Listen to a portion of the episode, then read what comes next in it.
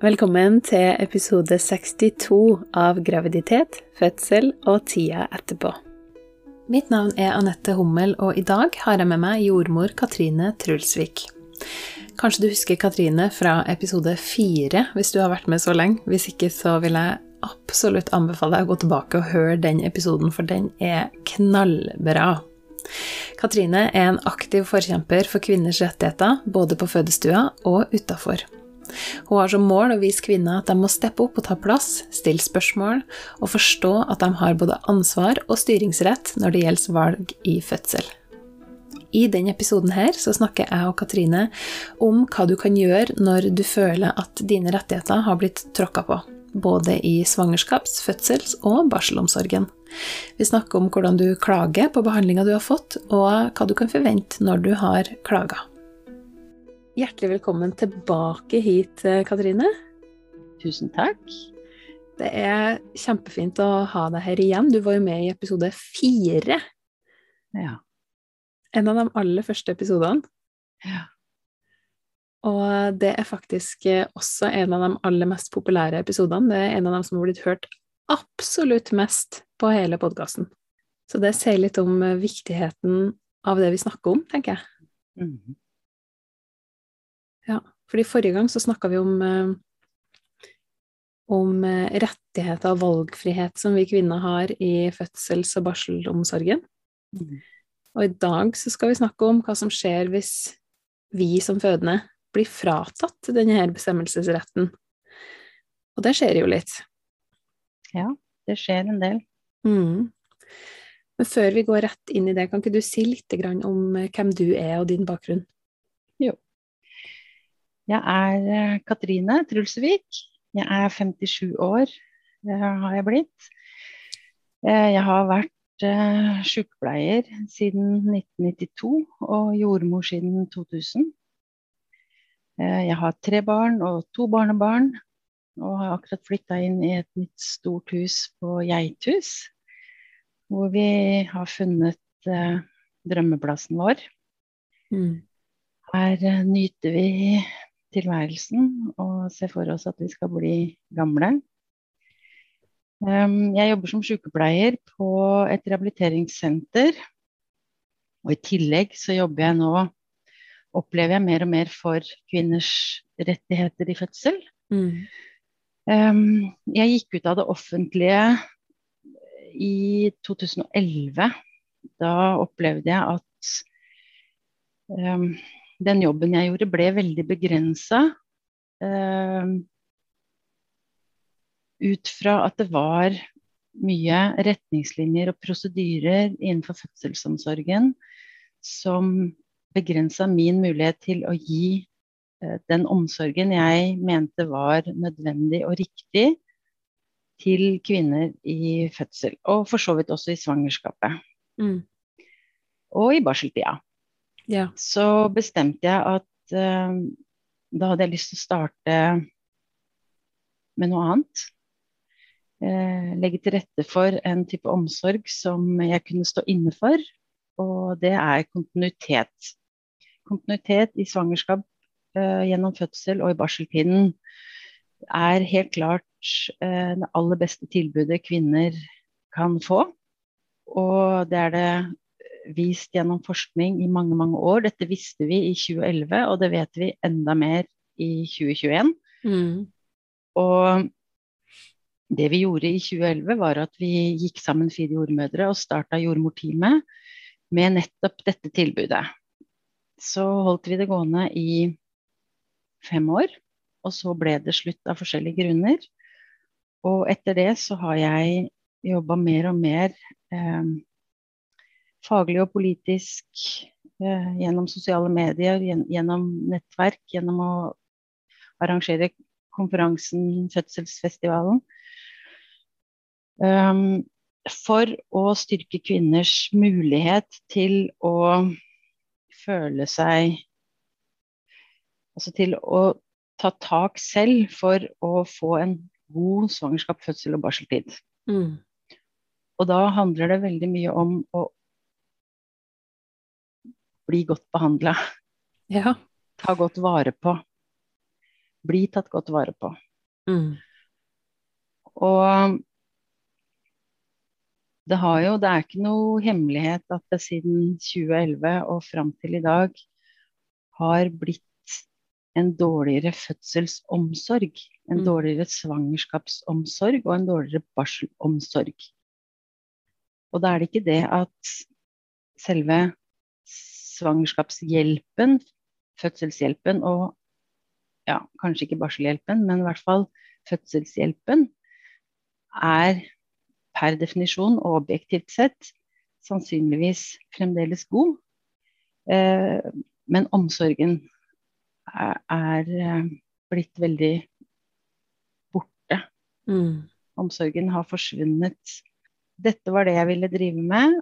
Og etter hvert som tiden har gått, så har vi nå etablert en organisasjon som heter Birthrights Norge. Mm.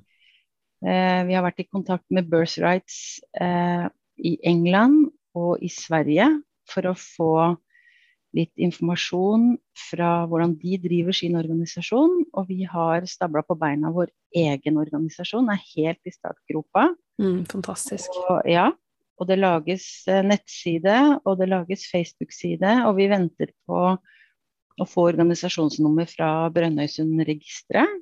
Mm. Og i mellomtiden så bidrar vi det vi kan til eh, kvinner og familier som trenger hjelp og støtte og bistand i ja, og, og, og klage og på, på hva slags behandling de har fått i Mm. eh, svangerskap, fødsel og barseltiden, da. Ja. Mm. Nettopp. Ja, det er så bra, og det er, det er et så stort behov for det. Mm. Virkelig, Ja. altså.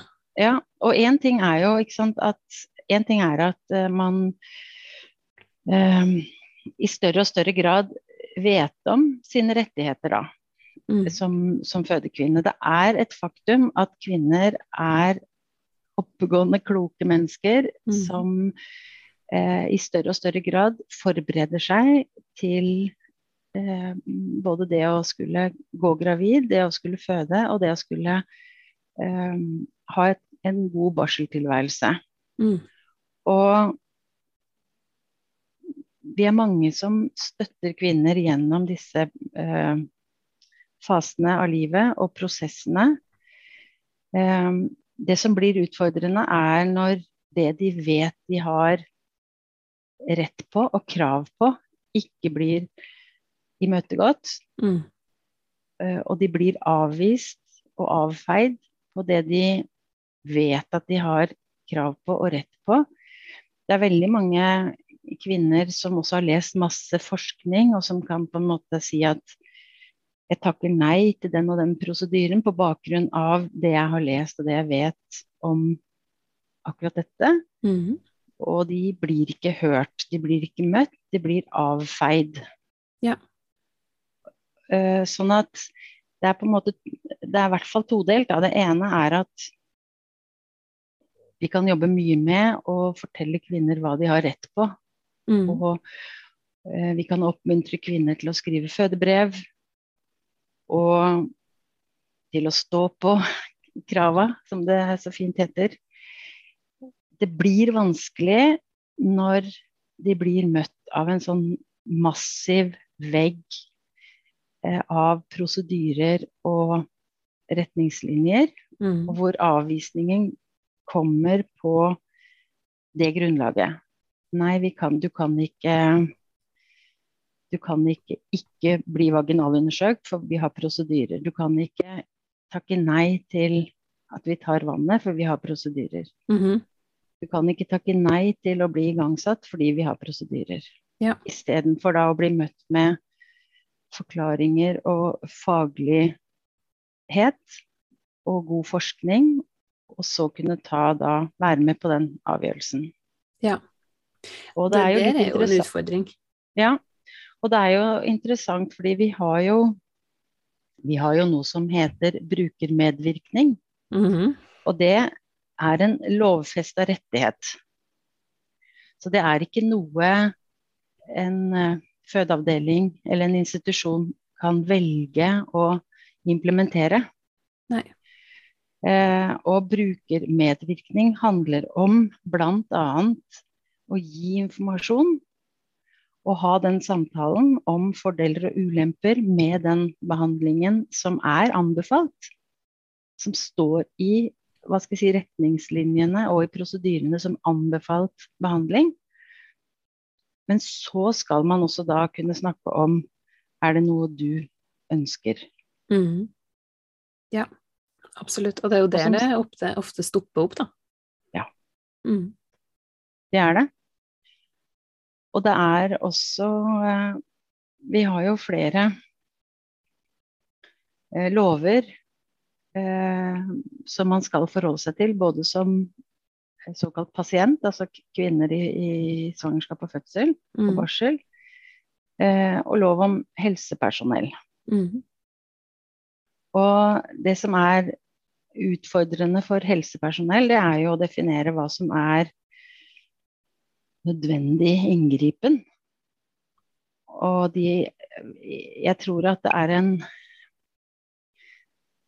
Det er vanskelig i en travel hverdag å hele tiden tenke på um, Hva kan jeg gjøre, hva kan jeg godta som da ikke defineres som faglig uforsvarlig etterpå, Mm. som helsepersonell. Mm. Og da blir den letteste veien å lene seg på prosedyrene og retningslinjene og argumentere med at de har vi fordi de har blitt funnet som den beste faglige måten å jobbe på. Konsekvensen av å bryte en retningslinje eller en, en, en eh, prosedyre er per definisjon for mange å ikke jobbe forsvarlig. Mm. Og det vil man jo ikke, og det er man redd for også rent sånn juridisk, at man skal bli tatt på å jobbe uforsvarlig. For det har man ikke lov til ifølge helsepersonelloven. Nei. Så det er jo et dilemma, og, og det tenker jeg at eh, arbeidsgiver har en, en, et stort ansvar i å coache sine ansatte på dette. Og at det kanskje skal være like mye fagdager på denne biten som det er på eh, å ha fagdag om fastsittende skuldre og blødninger og medisinske prosedyrer. Ja. Så bør man også ha fagdager med jevne mellomrom på nettopp dette med eh, balansen mellom faglig forsvarlighet og faglig uenighet Mhm. og medbestemmelse. Um, pasientretten til å si nei. Ja. Dette er ikke lett. Sånn at det er man, Vi skal ikke på en måte Vi skal ikke lage det som en enkel diskusjon. Det er et stort dilemma. Mm. Um, for fagpersonene som jobber. Og selvfølgelig da for kvinnene som opplever seg Eller som ikke blir hørt. Ja. Absolutt, og det er ehm, Jeg fortalte jo til deg også før vi starta opptaket nå, at i forbindelse med at jeg sjøl har fortalt min historie om hva som skjedde med meg på St. Olavs eh, i svangerskapsomsorgen, at jeg følte at jeg ble tråkka på, rett og slett, og, og ikke, ikke ble hørt. Mm. Eh, og ble tvinga til en undersøkelse jeg ikke var interessert i. Mm. Eh, I forbindelse med at jeg har delt den historien i sosiale medier, så har jeg fått så mange meldinger fra Mm. Andre, fra kvinner, Mm. som har opplevd lignende ting, helt andre ting, Mm. men rett og slett har blitt Jeg har opplevd at de ikke ble hørt, og, yeah. og ble overkjørt, rett og slett. Mm. Og noe av det som går igjen, er at de sitter igjen med en opplevelse av at, um, at det de møtte av helsepersonell, var mest opptatt av å dekke sin egen rygg. Ja. Var mer opptatt av at de ikke skulle bli tatt på noen ting de hadde gjort feil, eh, enn de var opptatt av faktisk sikkerheten til mor og barn, og ønskene til mor. Det er opplevelsen som de her kvinnene sitter igjen med. Mm. Ja, og det er nok en helt reell opplevelse. Mm. Og det er nok den situasjonen vi har i dag, som er veldig uheldig. Både for helsepersonellet som sitter og har den følelsen at, det, at de kommer til å bli tatt på noe. Mm. At de opplever at de ikke kan stille opp 100% for kvinnen. Nettopp fordi de er redd for sjøl å bli straffa på et eller annet vis. Ja. Og så er det aller mest uheldig for kvinnene det gjelder. Mm. Og som vi også snakka om før sending her, så, så, er det jo det at når man kommer inn i en sånn hva skal jeg si, kommunikasjonsform at de som, de som skal formidle hjelpen, har begrensninger fordi de selv er redde for å gjøre noe feil. Um, så, så, så, vil på en måte de som sitter og ber om Eller de som skal få tjenesten, de som, som skal få hjelpen, de føler veldig ofte også at de ikke når fram med sitt budskap. Mm. Og så blir måten å snakke sammen på veldig feil. Det er lett å bruke makt for de som har makta. Ja. Og det er lett å føle seg veldig liten for de som da sitter og skal motta den tjenesten. Mm. Så, så, det blir veldig sånn skeivt fordelt, kanskje fra starten av. Og da har jeg lyst til å skyte inn én ting, og det er Altså, vi må jo løse dette her på et eller annet vis. Ja. Vi har oppdaga det nå. Vi, Mm. har, vi begynner å sette ord på det. Mm. Um, det er ingen vei tilbake. Vi kan ikke gå tilbake til sånn som det har vært og er. Nei. Og igjen, sånn som um, altså for, for en del år siden, når metoo kom på dagsorden, så tenkte jeg og flere med meg at dette skjer i fødselsomsorgen. Mm. Metoo på fødestua, det tenkte jeg den gangen, og flere med meg. Ja. Og, og det var liksom Det var ingen som ville se den. Eh, det har vært alle de åra etterpå, for det har jo blitt noen år, så har man hele tiden sagt at nei, dette, dette skjer ikke på, på fødestua, dette skjer ikke med hvermannsen. Dette kan dessverre skje av og til for noen. Mm. Og så rulles det opp da at ja, det er ganske vanlig. Ja, Det er, det, er, det er på en måte blitt en mer sånn systemisk øh, feil. Mhm.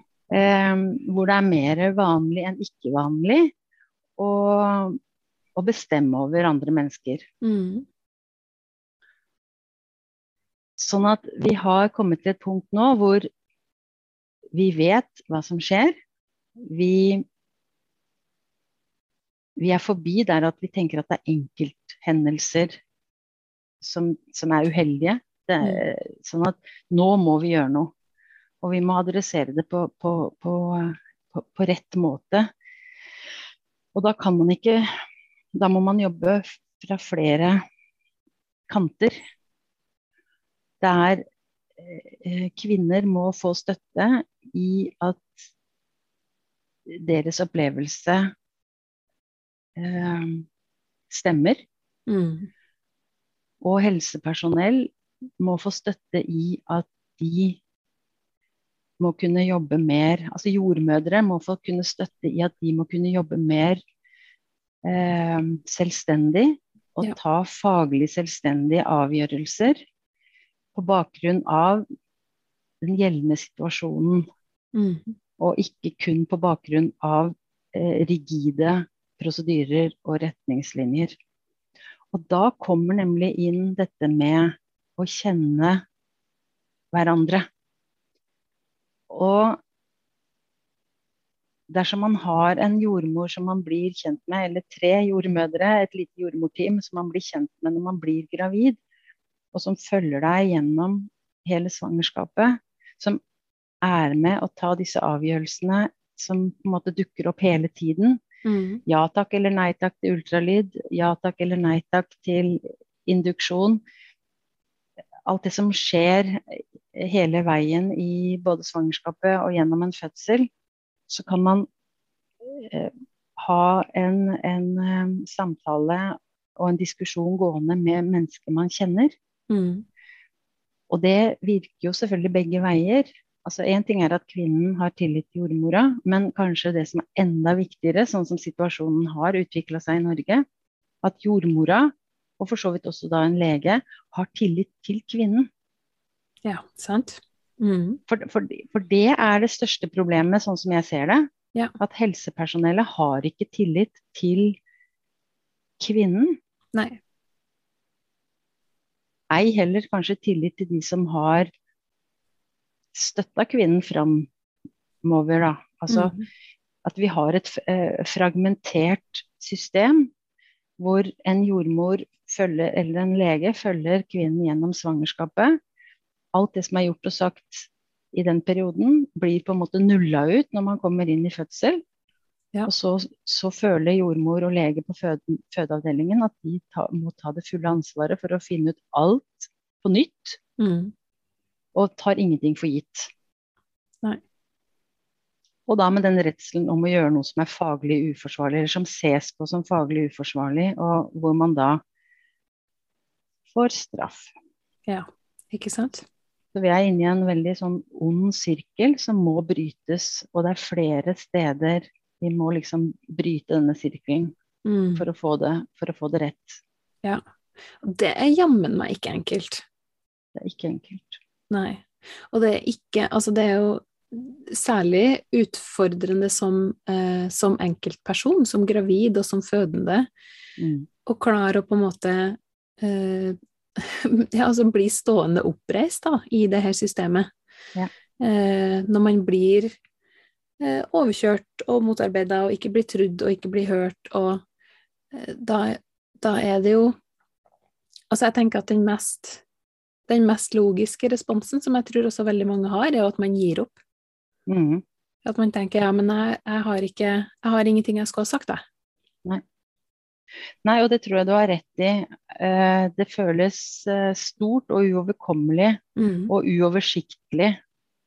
Ja. Og jeg hadde en, en telefonsamtale med en kvinne her for noen dager siden som eh, opplevde nettopp det, og som har gått syv måneder etter eh, fødsel og følt på frustrasjon og sinne og sorg over det som skjedde i fødsel.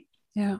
Og du trenger ikke være psykolog for å forstå at det forringer hennes barseltid, det forringer hennes eh, tilknytning til ba barnet, det Mm. forringer eh, hennes fysiske eh, hva skal jeg si heling.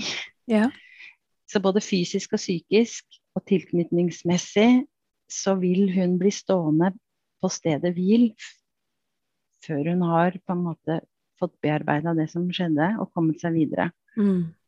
Men hun har ingen til å veilede henne videre i prosessen. Nei. Alle er opptatt av å dekke sin egen rygg Mhm. og forsvare det de gjorde eller ikke gjorde. Og unnskylde det de gjorde eller ikke gjorde. Og Ja. sier til henne men nå har du fått babyen. Det ble en frisk baby. Nå skal du være glad og fornøyd, så nå kan du bare legge dette bak deg. Ja. Og det er så Og- provoserende. Det er veldig provoserende, og jeg har brukt mye tid opp gjennom åra til å tenke på hvorfor det er så viktig, eller kanskje enda viktigere, i å bli hørt og sett og møtt og forstått i svangerskap, fødsel og barseltid. Mm. Det er alltid viktig, til all tid for alle mennesker, å bli hørt og møtt. Men, men det er ekstra viktig. Og det syns jeg eh, Kjersti Nuvnes Moberg sier veldig bra på fødselsfestivalen når hun snakker om oksytocin og, og den dype det, Altså det som Det dype inngripen fødsel, svangerskap, fødsel og barseltid har i kvinnekroppen rent fysiologisk og hormonelt. Mm. Det er ikke noe man bestemmer egentlig selv. Og nå leste jeg akkurat her um, i går en, uh, en, forfatter som skrev om hvor stor innvirkning da hennes fødsel hadde, og det å bli mamma, da, mm. hadde på hennes liv. Hva slags planer hun hadde før hun ble gravid, om hvordan hun skulle både føde og uh, ta vare på barnet og tilbake i jobb. Mm. Og så opplever hun at hun er, har endra seg 100% som, som menneske når hun blir mamma. Mm. Og, og, dette er fysiologisk og hormonelt og helt forventet. Og de som på en måte kjemper imot den endringen, de bruker lengre tid på å finne sin rolle. Men det er jo eh, sånn Det er, det er jo forventa at man skal liksom tilbake til livet sitt. Og man har den forventningen selv også. Mm. Så så jeg tenker at, eh, at eh, vi, har, vi, har, mye å lære på hva slags stor inngripen en fødsel og det å få barn og det å bli mamma har på, på deg som menneske. Ja. Eh, og derfor, vi, jo mer vi på en måte blir bevisst dette, jo mer viktig er det å bli hørt på, på de grunnleggende behovene man har da. For det er, det er nemlig det det er. Det er grunnleggende behov. Det er ikke mhm. noe man bare finner på. Det er ikke det at man ikke vil bli vaginalundersøkt hver time i fødsel. Det er ikke bare noe man sier eh, for moro skyld. Det, det, er en, det er en altså Man sier ifra at det vil jeg ikke fordi det betyr noe, fordi det er viktig. Mm. Og du som sier nei takk til en eh, deler av en ultralydundersøkelse, du sier det jo ikke bare sånn tatt ut av lufta, du sier det jo fordi det er viktig. Ja. Og, og, og det er da, da, må det bli respektert. Mm. Og det er kun hvis det er fare for liv og helse at man skal kunne hva skal jeg si, overkjøre i forhold til da eh, helsepersonelloven. Ved fare for liv og helse så har man mulighet til å ikke innhente samtykke, og man har mulighet til å, uh, å gjøre noe mot noen andres vilje. Det står det i loven. Ja. Men det er kun ved fare for liv og helse. Mm. Og det er jo Jeg tenker at det er jo også noe man Altså som, som kvinne i svangerskapet uh, og man må jo forberede seg på at man skal føde. Man må forberede seg på at man skal bli mamma så godt man kan med de, si, den kunnskapen man har. Ja. Og så kan ting bli annerledes, både i fødselen og etterpå. Eh, og det tar man høyde for. Mm. Man må også forberede seg da på kanskje dette juridiske aspektet.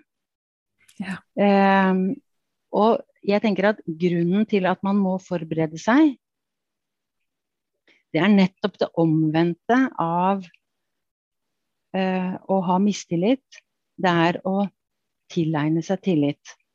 Mm. Jo mer du kan om dine rettigheter, jo mer du har tenkt gjennom og klargjort for deg sjøl hva er viktig og hva er ikke så viktig, mm. jo lettere er det å få tilbake tilliten til, til uh, helsepersonellet. Ja. Kjersti Numnes Moberg sa også noe veldig klokt om det på fødselsfestivalen. Eh, og det handler om at det er ytterst uheldig å gå inn i en fødsel med en iboende mistillit til de som skal hjelpe deg. Mm. For da får ikke kroppen din jobbe på den måten han skal. Ja. Du blokkerer for oksytocin, du blokkerer for ro og, og konsentrasjon. Og det blir økt adrenalin, og det blir en uheldig kombinasjon som sannsynligvis bidrar til at du får en dårligere eh, både fysiologisk fødsel, men også da opplevelsen av fødsel. Mm. Ja. Sånn at jobben er faktisk å komme dit hen at når man skal i fødsel, så har man landa alle disse prosjektene med fødebrev, med hvem som skal si hva, hvem som skal stå opp for deg, Mm. og, og, og eh, kreve din rett, hvis man skal bruke For det er litt sånn hardt å, å si, kanskje. Men, men da må fødekvinnen ha blitt ferdig med det. Ja.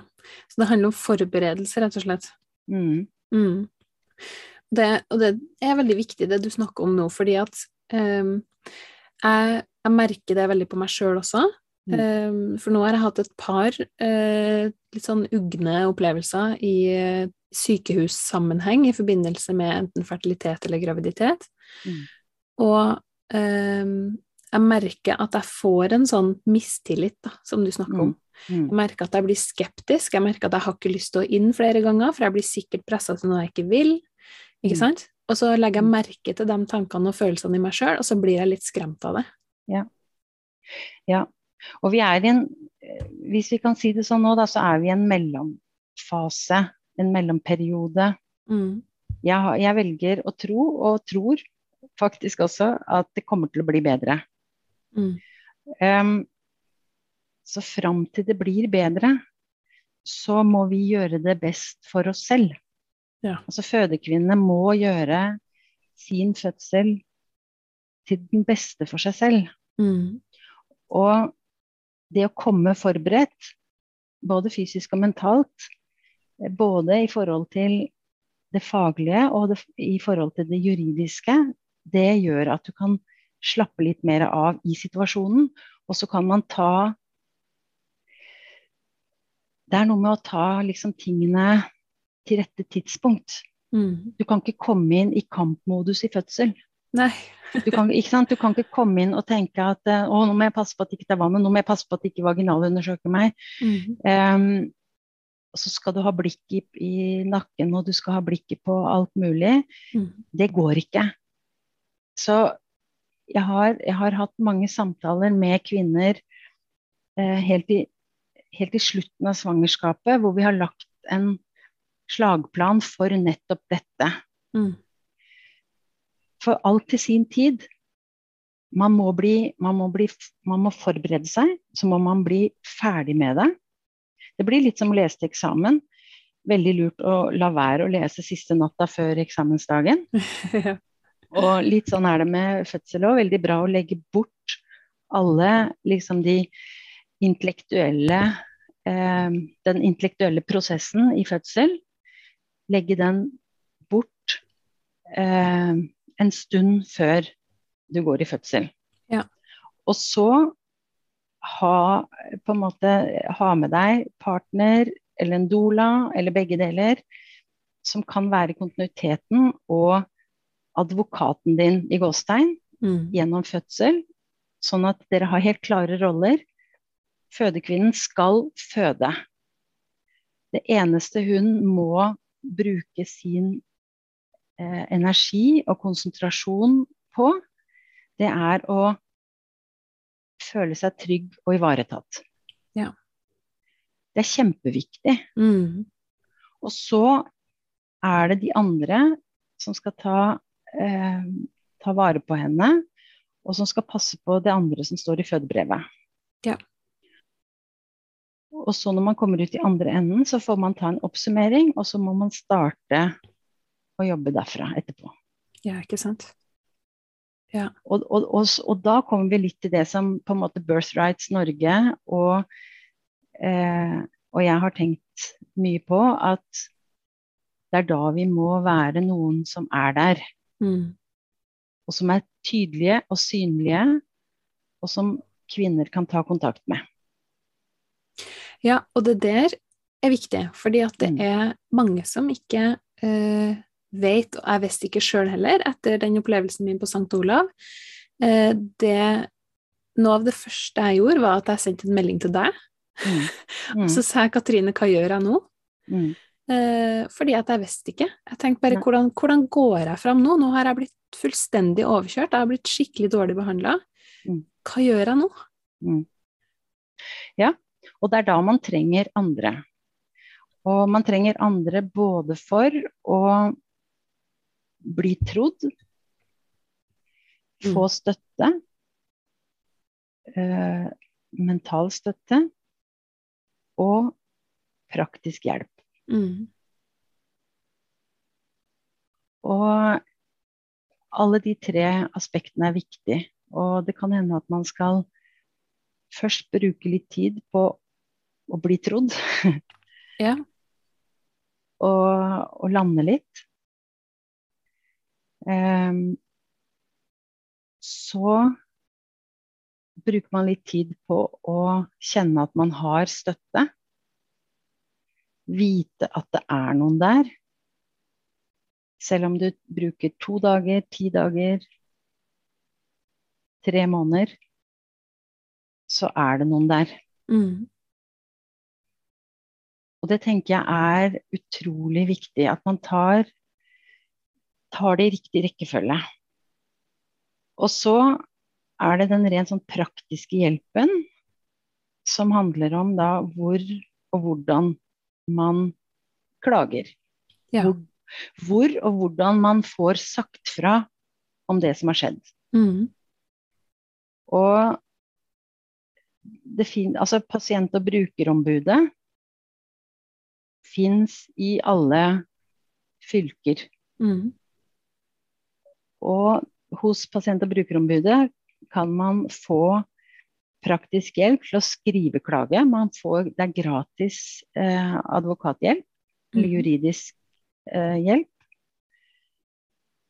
Um, ofte så har man så veldig mye man eh, har kjent på, og så mange følelser som trigges i en opplevelse som den du hadde, og det andre kvinner opplever. Mm.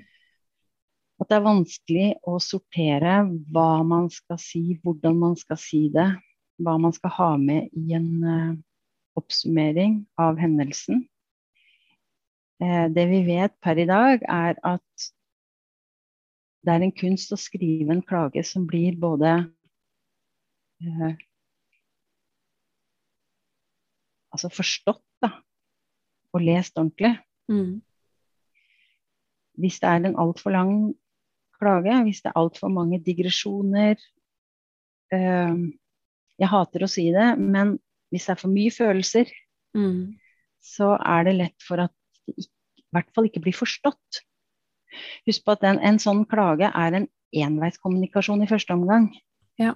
Så de som sitter og leser den klagen, de har ikke muligheten til å spørre hva mener du med det? Mm. Um, hva skjedde her?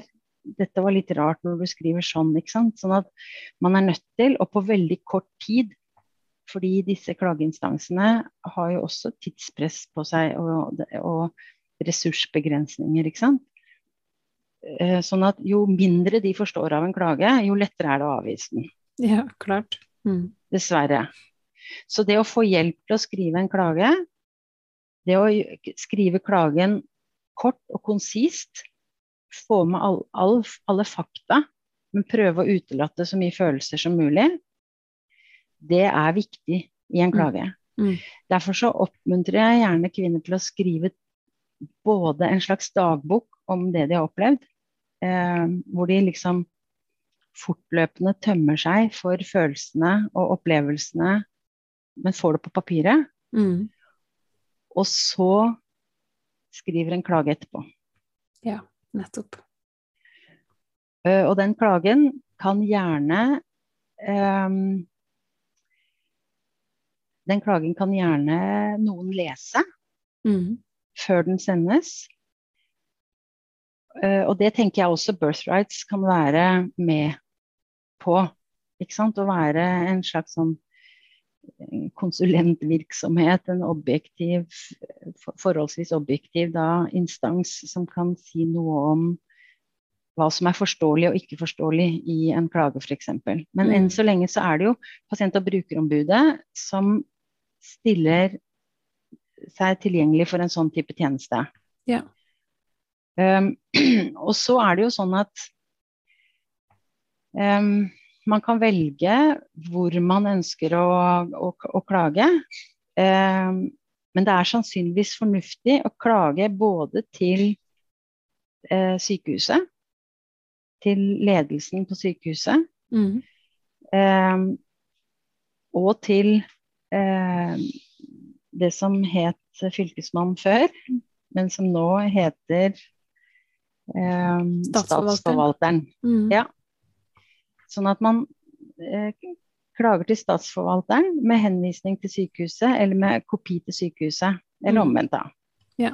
Eh, statsforvalteren har er på en måte litt mer objektiv, selvfølgelig, enn eh, sykehuset, Mm. som har lett for å forsvare handlingene sine, selvfølgelig. Ja.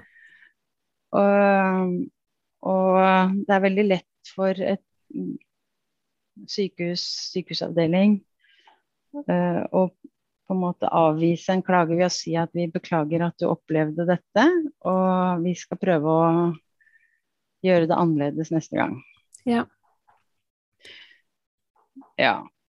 Og så, er det jo det at eh, statsforvalteren eh, kan avvise en klage, Mhm. Som de gjorde min. som de gjorde med din. Og da har man Sivilombudet som har som oppgave å føre kontroll med den offentlige forvaltningen for å hindre urett mot den enkelte. Ja. Og det, det betyr rett og slett at hvis du mener at denne klagen burde blitt eh, behandla, eh, så kan Sivilombudsmannen føre saken for deg mot statsforvalteren og si at dette var eh, ikke riktig, Mm. at den ble avvist, Nettopp. rett og slett. For det er, jo Mm. ganske, det er jo ganske frustrerende når jeg på en måte Jeg leser jo om hvilke rettigheter jeg har, og hva loven sier, og sånn, og det er jo ganske tydelig at det er brudd i forhold til hva som eh, Hvordan det ble håndtert med meg når jeg var på St. Olav. Eh, men så Likevel så blir da saken min avvist hos statsforvalteren. Eh, Mm. Og det er ganske sånn frustrerende, fordi at jeg vet at Mm. jeg har rett. Mm. Ja, ja. Og da kan man lure på, på hvilke altså, hva, hva er bakgrunnen for at de avviser saken din. Mm. Uh, og jeg tenker at det er egentlig ikke annet å gjøre enn å sende videre til Sivilombudet. Det er jo det neste. Mm. Ja. Og så tar de på en måte eh, saken videre, da. Mm. Og det er det som jeg også har tenkt litt på, som jeg har oppdaga litt i meg sjøl, og min egen respons og reaksjon etter denne hendelsen, det er at for meg så har, så har den saken her har på en måte to deler. Mm. Eh, den ene delen er denne prinsippsaken. At det er, det er viktig for meg at ikke kvinner blir behandla på den måten her Mm. eh, i helsevesenet. Det er den Mm. prinsippsaken som gjør at jeg, at jeg får liksom masse eh, overskudd til å eh, prøve å, å påvirke til en endring. Ja. Og så har du den andre eh, delen av saken, som handler om min personlige opplevelse, og hva det gjør med, som du snakka litt om i stad, min tillit til helsevesenet, eh, og hva det gjør med eh, ja, på hvilken måte jeg f.eks. oppsøker informasjon og hjelp i svangerskapet mitt, eh, hvordan jeg går inn i fødsel, Mm. hele den biten der. Og begge Mm. de to delene tenker jeg at det er veldig viktig. Ja. Eh, og nå har jeg fått tilbud på St. Olav, jeg skal på samtale denne uka her, faktisk, eh, og snakke med eh, ei jordmor som eh, da, da skal vi snakke gjennom min opplevelse og hva det gjør med min tillit. Eh, Ja. Så da skal vi på en måte ta den biten av det. Og det er jo også viktig.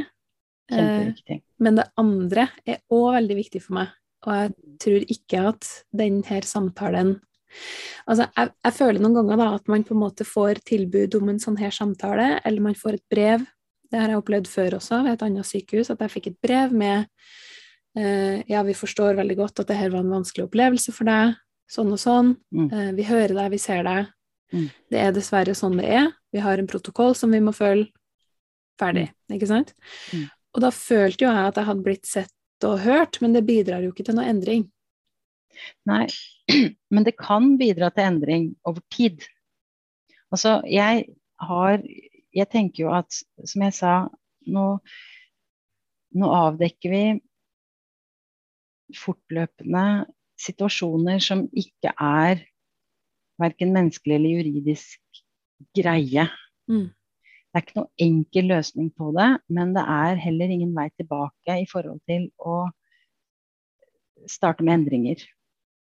Og hvordan vi organiserer eh, omsorgen og tilbudet, er én viktig bit av,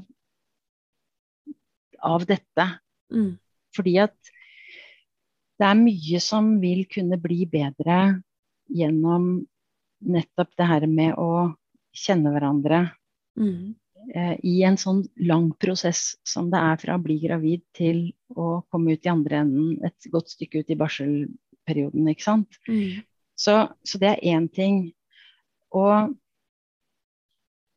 og hver gang noen sier ifra, så tror jeg at det skjer små museskritt mot en endring. Ja. Så alle må alle må tenke at de bidrar til denne endringen. Um, absolutt alle som sier ifra. Mm. Um, det blir litt det samme som uh, vi som jobber innenfor helsevesenet, uansett hvor det er. Uh, vi har også en plikt til å melde fra hvis det er ting som ikke går som det skal. Um, og hvis vi ikke gjør det, så blir det ikke registrert, og det skjer ingen endring. Det, det, hjelper ikke å komme i ettertid og si at jo, men vi har hatt så og så mange uheldige situasjoner. Alle disse situasjonene, hendelsene, som ikke er faglig eller menneskelig optimale, de trenger å eh, rapporteres inn i et system. Mm. Og et sånt system finnes i helsevesenet. Uh, og det er det samme kvinner og familier gjør hver gang de rapporterer inn hendelser, faglig, menneskelig, som ikke er akseptable, som ikke er optimale. Mm. Og en, en ting som, som, nevnes i loven eh, innenfor eh, helsepersonelloven, det er at vi har en plikt på oss til å gi faglig eh, god hjelp og omsorg. Mm. Og hvis det ikke er god omsorg, så er det også et avvik. Ja. Så det å oppleve seg dårlig behandla eh, i forhold til omsorg, det å ikke bli tatt vare på, det å ikke bli hørt, mm. det er omsorgssvikt. Ja. Og omsorgssvikt skal rapporteres på lik linje med en, faglig, en annen faglig svikt. Mm. På det, på det tekniske eh, området, da. Men det har en tendens til å gå litt i glemmeboka, fordi omsorg er veldig subjektivt. Men det er likevel sånn at din opplevelse av mangelfull omsorg er det som teller. Ja. Det hjelper ikke hva jeg mener at jeg har gitt god omsorg, hvis du opplever at du ikke har mottatt god omsorg. Mm. Så, så det, er, det er et punkt som jeg tenker er viktig å påpeke at man kan klage på eller, eller eh, skrive ned som et avvik. Mm.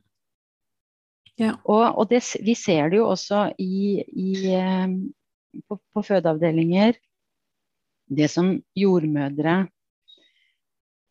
opplever, det er at de ikke evner å gi den omsorgen fordi de har blitt gitt for mange oppgaver, og de flyr for mye, og det er mangel på ressurser. Ja. Så jordmødre har også den muligheten til å skrive avvik mm. på mangelfull omsorg. Ja. Jeg fikk ikke vært hos den kvinnen. Jeg fikk ikke sittet på fødestua og observert og vært med henne sånn som hun ønsket, fordi det var travelt på avdelingen. Det er et avvik. Ja. Det er ikke bare et avvik at en eller annen prosedyre ble brutt, eller at noe ikke på en måte gikk som det skulle, Mm. teknisk sett. Det å ikke gi omsorgsfull behandling er et avvik. Ja. Så, så det tenker jeg er kjempeviktig også, at man på en måte skriver i klagen sin Mm. det var manglende omsorgsfull behandling. Det må Ja. brukes i mye, mye større grad enn i dag. Både jordmødre, leger og også da eh, kvinnene og familiene Mm. glemmer litt at omsorg er noe vi har krav på. Og noe som er kanskje den viktigste enkelt Hva skal jeg si eh, hjelpen, da. Mm. Omsorg. Og selvfølgelig faglighet. Men uten det ene så, så, så går ikke det andre heller. Nei, ikke sant. Og det er det jeg også hører litt eh, Det jeg også har hørt da noen ganger fra kvinner, det at, eh, det at, eh, at de har valgt å ikke sende inn en klage fordi de syns de syns så synd på den jordmora som holdt på å sprang livet av seg, og de Mm. så at hun jordmora hadde det travelt. Og det var jo ikke jordmora sin skyld, og derfor så ville de ikke sende en klage. Men da, da går man jo glipp av fordi at man klager jo ikke Man trenger jo ikke å klage på en spesifikk jordmor, man kan jo klage på, på eh, arbeidsmengden som jordmor har, på en måte. Mm. Ja, det kan man. Og, og jeg tenker at eh, det skal man ikke være så redd for. Mm. Eh, man må klage på det man opplevde. Mm. Og i ytterste konsekvens så er det en bra ting for den jordmora og andre jordmødre at kvinner i fødsel, kvinner i barsel, påpeker ressursmangel. Ja.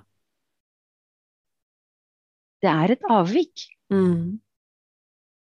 Og, og avvik skal påpekes, hvis ikke så blir det ikke registrert, og det blir ikke gjort noe. Nei. Så alle har en plikt sånn sett i forhold til å, å få den her ønska endringen til å si fra om, om smått og stort. Mm. Og det er hver persons opplevelse som teller. Mm. Og det er kjempeviktig at hvis jordmor på fødestua ikke evner å gi omsorg, Mm. så må den jordmora få bedre arbeidsvilkår. Og hun får ikke det hvis hun går til sjefen sin og sier at 'jeg får ikke gitt omsorg'. Mm. Dessverre.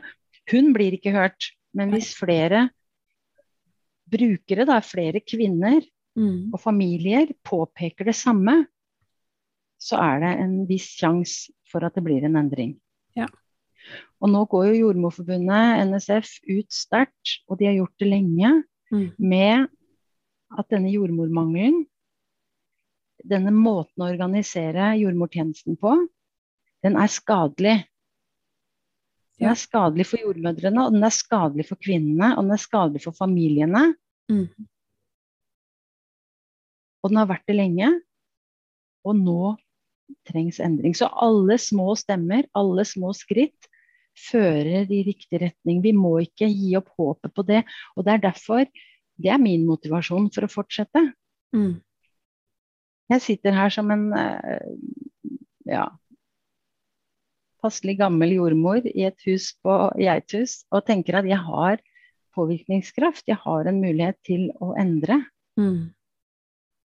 Uten den troen så, så eh, hadde jeg funnet på noe annet å gjøre. Ja, ikke sant? Mm. Mm. Absolutt. Jeg har, eh, jeg har et par eh, spørsmål også basert på, på uh, meldinger som jeg har fått fra andre kvinner. Mm. Det ene er um, Hvordan er det når Det var ei kvinne som, eh, som jeg sendte litt meldinger fram og tilbake med, som fortalte at hun hadde hatt med seg en skriftlig klage um, når hun møtte opp på sykehuset til en eller annen samtale etter, etter fødselen sin, Mm. um, men sykehuset ville ikke ta imot klagen hennes.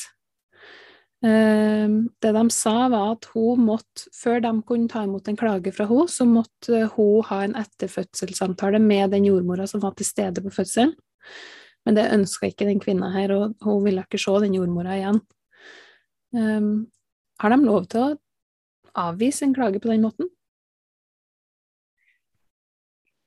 Nei, det kan jeg ikke skjønne. Men, eh, men eh, det blir jo litt det samme som det du hørte, at de er så påståelige på at jo, vi må gjøre hele ultralydundersøkelsen. Ja. Selv om de er påståelige på det, så er det ikke sikkert de har, at de har rett. Mm. Og det samme med denne her. Eh, Jeg tror ikke at de sånn juridisk sett kan si at for at du skal kunne levere inn en klage, så må du ha hatt en samtale med Mm. jordmora. Det tror jeg ikke, men det vet jeg ikke. Men da tenker jeg at da må man jo bare med en gang koble inn eh, andre instanser. F.eks. da ville jeg tatt kontakt med pasient- og brukerombudet Mm. med en gang. Ja. Og så hørt eh, med de eh, Dette skjedde. Er dette riktig? Hva gjør vi videre? Ja, Ikke sant? Mm. Det ville vært første skrittet, tenker jeg. Og så tenker jeg også at klagen skulle vært sendt til, til um,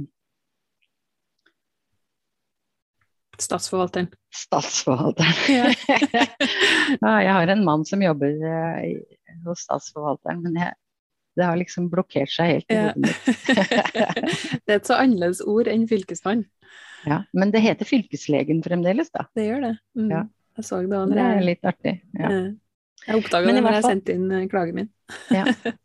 Men så jeg tenker at det, det må være det riktige for henne å gjøre. Mm. Og bare overse det sykehuset sier, fordi det sannsynligvis ikke er riktig.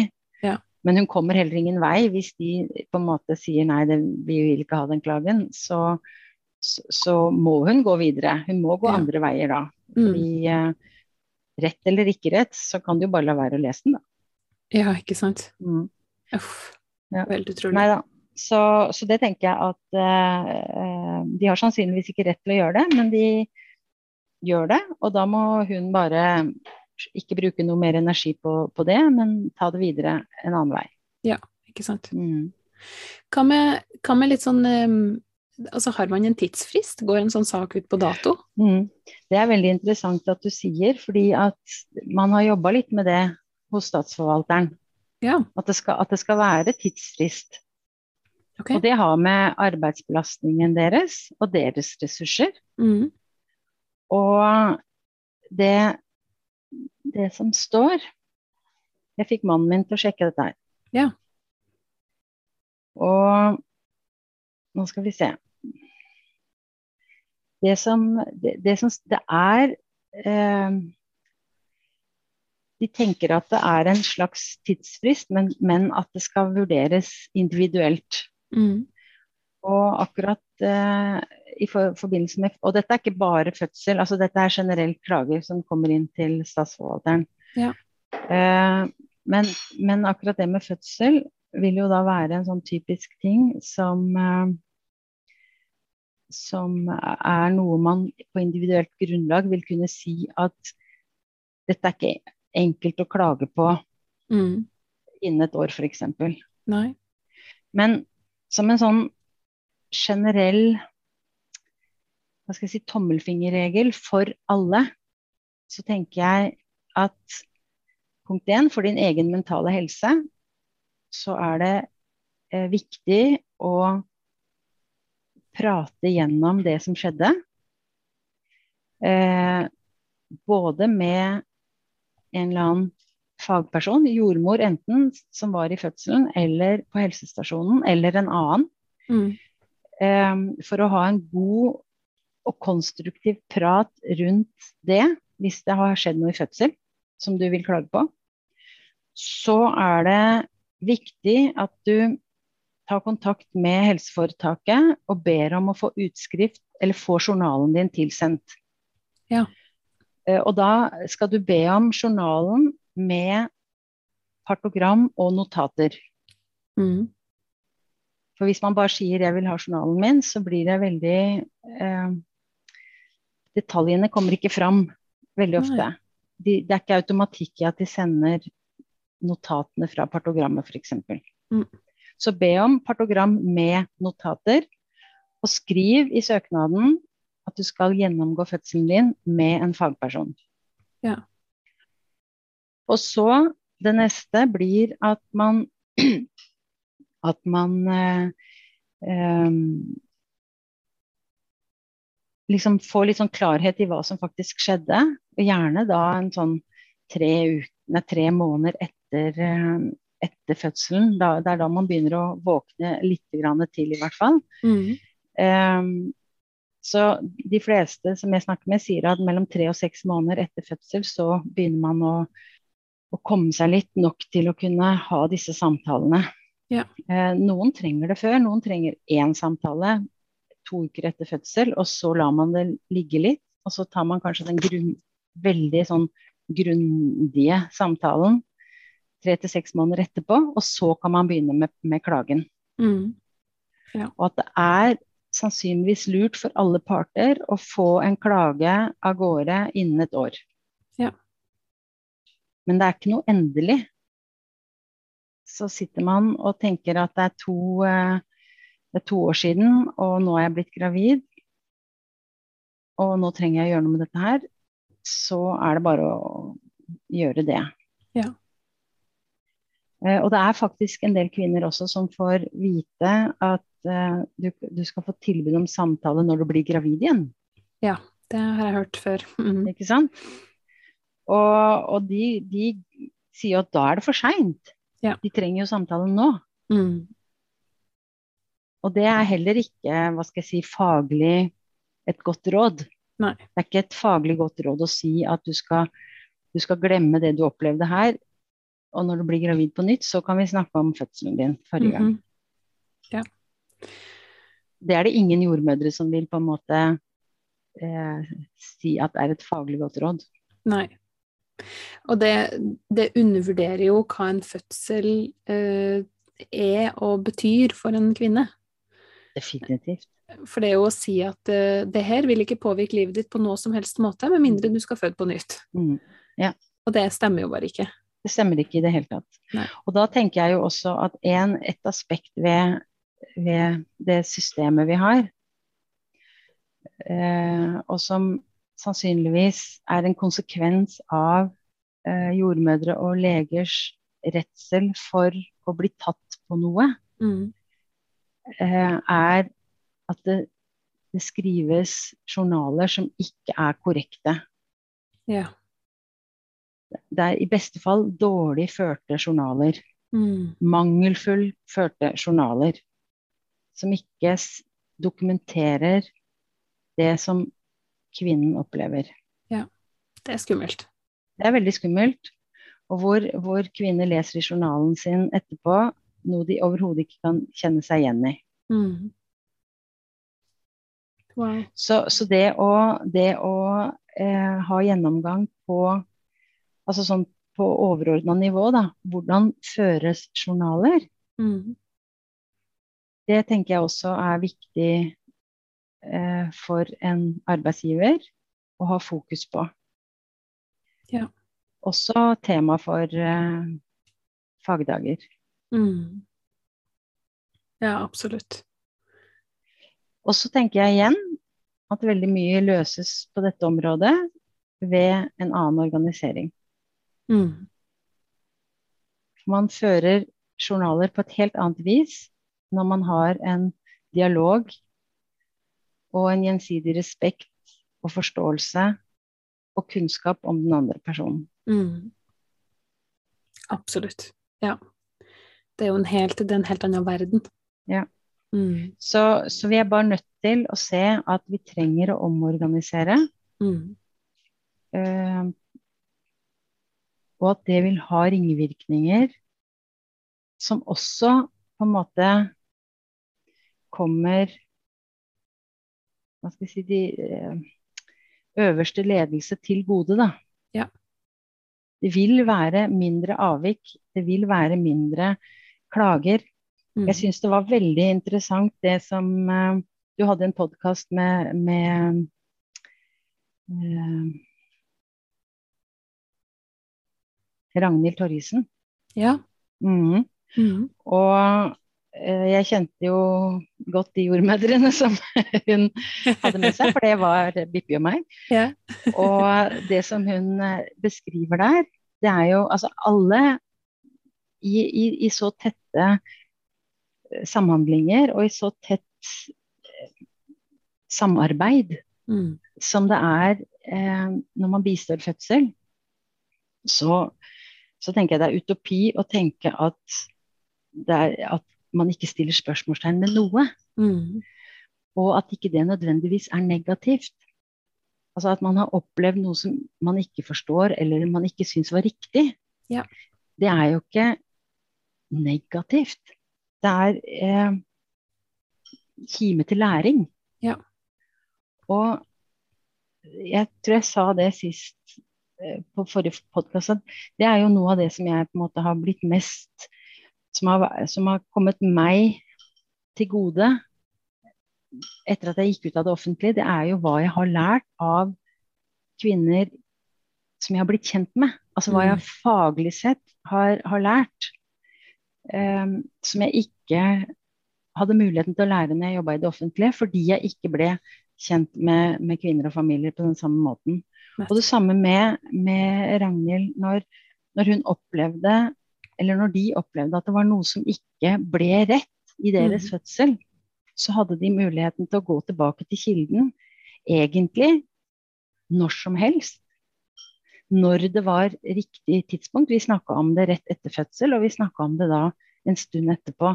Mm. Og som Ragnhild sier i podkasten, da trenger man ikke, da opplever man ikke at man må klage til noen.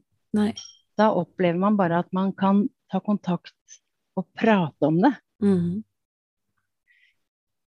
Så, og det var et, si, en dimensjon som jeg ikke har tenkt så mye på før jeg hørte den podkasten. Så tenkte jeg fader, det er jo enda et argument til å eh, omorganisere.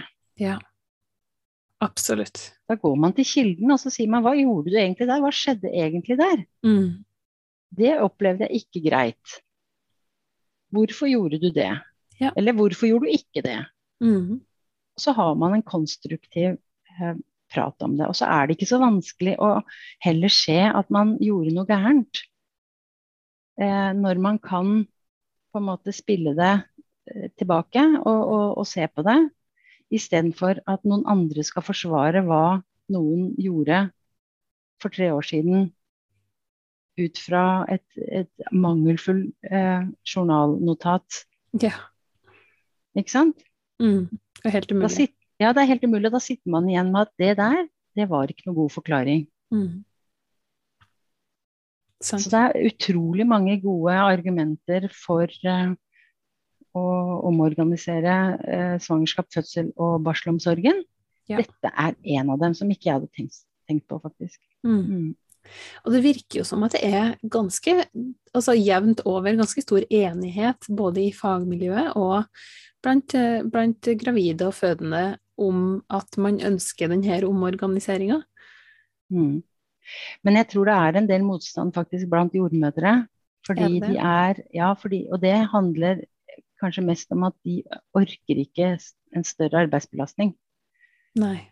Og så tror man at det gir en større arbeidsbelastning fordi det krever en mer fleksibel arbeidsordning. Mm. Men det er ikke en økt arbeidsbelastning, snarere tvert imot. Og det kan man Det er ikke, det er ikke verre enn at man går og får um,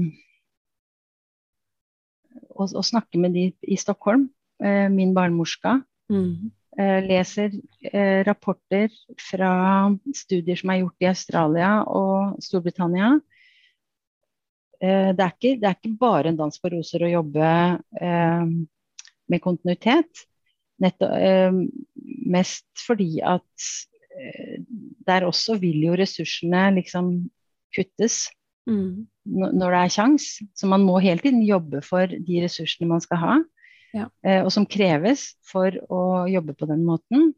Men for jordmødrene, rent overordna, så er det ordna arbeidsforhold. Det er turnus, det er ferier, det er fridager. Mm. Det er eh, meningen da at man får kompensasjon for at man har døgnvakter eller telefonvakter eller beredskap, som, som vi også kan si. Eh, men det er helt avklart turnus. Ja.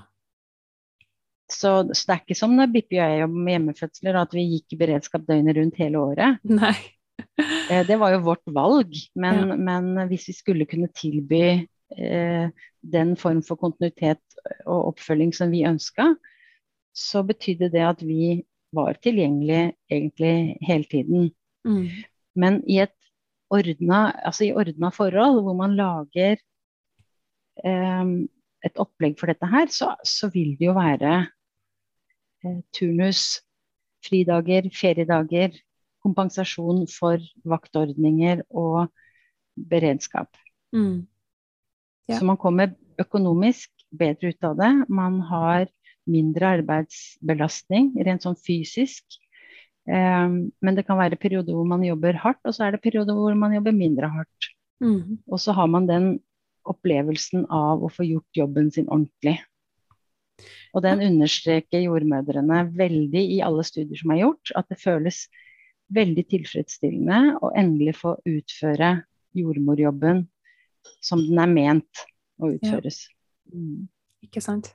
Og det unner vi jo, det unner vi jo altså dere jordmødre, og dere får lov til å jobbe sånn som eh, sånn som man ønsker å utøve yrket sitt. Mm. Og sånn som, sånn som det er ment, egentlig. Og, og når, når man får gjort det, så vil man også Det er litt som Kari Aare sa i, i DNJ, lederen i DNJ, at eh, hvis vi tar vare på personalet, så blir det bedre eh, omsorg for kvinnene også. Selvfølgelig.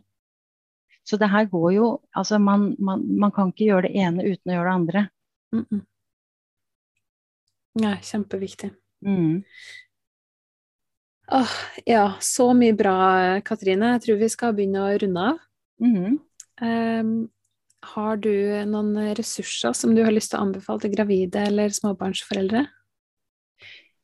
Ja, da tenker jeg på de her um, lovene og det man kan på en måte lese seg opp på. Er det det du tenker? Ja. Det er kjempefint. Mm. Ja. Det er jo noe som heter lov om pasient- og brukerrettigheter. Mhm. Og så er det lov om helsepersonell. Og så er det noe som heter brukermedvirkning. Og så tenker jeg også at man skal vite om pasient- og brukerombudet. Og om sivilombudet. Ja. Og så etter hvert nå så kommer Birthrights Norge til å være en, en organisasjon, en frivillig organisasjon som hva skal jeg si, jobber med brukerstøtte.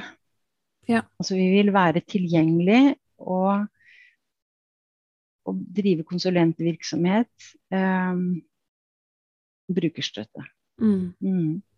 Og, og, da, og det betyr jo at vi ikke nødvendigvis har si, den optimale verken faglige eller juridiske kompetansen, men vi vil sende kvinner på rett vei. Mm. Ja, Ja. ikke sant? Mhm. Det handler også om å, om å slippe å føle at man står i det alene. Yes. Ja. Det er nemlig det. Det er kanskje det viktigste. Mm. Eh, du blir trodd. Du er ikke aleine. Og vi skal hjelpe deg praktisk. Kjempebra. Veldig fint. Hvor kan folk finne deg og dere? Ja. Eh, jeg finnes jo her som jordmor, naturligvis. Eller på fødselsfestivalen. Mm. En og samme person. Og etter hvert så blir vi en gruppe på Birthrights Norge. Som både har en hjemmeside og en Facebook-side. Og en e-post. Eh, telefonnummer. Og så langt så tenker jeg at det er bare å ta kontakt. Du forstyrrer aldri. Um, vi finner en løsning. Kjempefint. Og det er et veldig, veldig fint tilbud, eh, Katrine. Mm.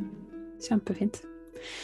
Tusen hjertelig takk for at du kom tilbake på podkasten i dag og mm. snakka om det her utrolig engasjerende temaet. Ja. Viktig. Ja. Mm. Kjempeviktig. Takk skal du ha. Bare hyggelig.